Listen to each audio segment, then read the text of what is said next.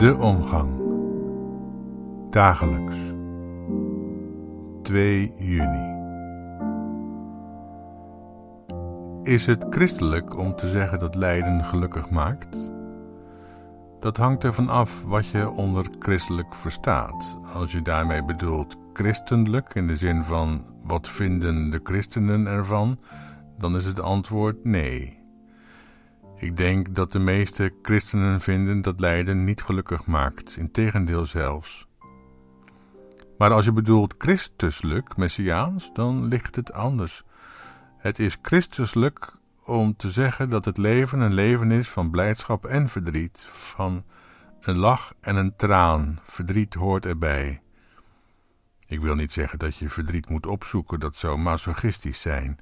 Je hoeft het namelijk niet op te zoeken. Het is er als vanzelf. Het lijkt wel jou op te zoeken.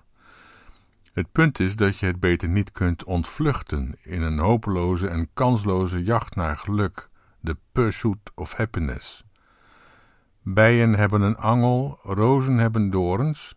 Haal de angel er niet uit en knip de doorns niet af. Zodra je dat doet, roep je ellende over je af, zoals Pascal Bruckner aangeeft terecht, denk ik. Veel mensen denken dat de mens uit het paradijs is verdreven bij wijze van straf. Maar er zijn rabbijnen die aangeven dat God daar niet wreed is, maar juist wijs. En dat de mens niet tot zijn of haar verdriet, maar voor eigen bestwil uit het paradijs is verdreven. Daarbinnen begon hij namelijk onmiddellijk het verlangen te koesteren als God te willen wezen en niet mens te leren zijn. Binnen het paradijs werd hij inhumaan dus. Rabbijnen leggen dan uit dat hoe eerder je erkent dat je moet zweten om brood te eten, en dat waardevolle dingen niet van een leien dakje gaan, maar moeite kosten en inspanning, en dat dat niet slecht zou zijn, maar juist goed om mens te worden, hoe eerder je dat erkent, hoe beter het is. En daarom zie je aan het eind van de Bijbel, dit was aan het begin, dat in het hemelse Jeruzalem, dat overigens niet hoog en ver weg van de aarde is, dat daar geen tandengeknars zal zijn en geen dood. Dood is in de Bijbel vooral moord, zoals de dood van Jezus feitelijk moord is, net als die van Abel. Geen dood en geen tandengeknars, maar wel tranen, die horen er blijkbaar bij, bij het mensenleven.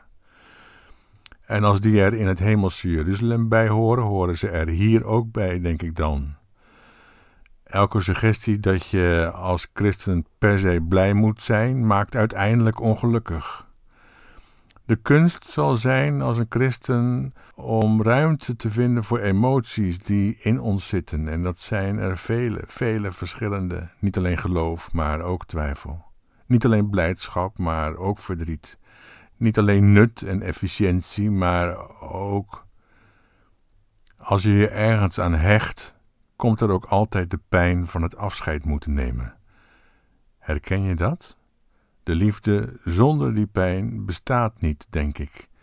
Dus je leeft altijd met momenten van pijn en verdriet en anders is de liefde zo onbereikbaar. Dat nummer Reality eindigt zo. Make me feel the warm, make me feel the cold. It's written in our story, it's written on the walls. This is our call. We rise and we fall, dancing in the moonlight. Don't we have it all? Make me feel the warm, make me feel the cold. It's written in our story, it's written on the walls. This is our call.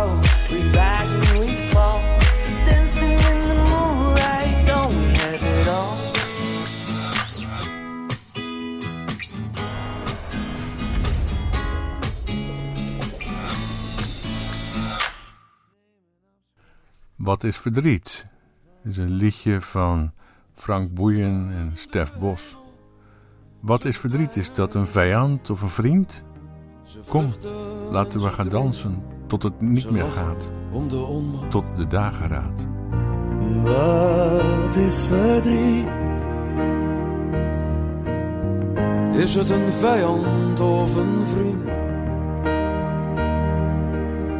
Kom, laten we gaan dansen tot het niet meer gaat, tot de dageraad.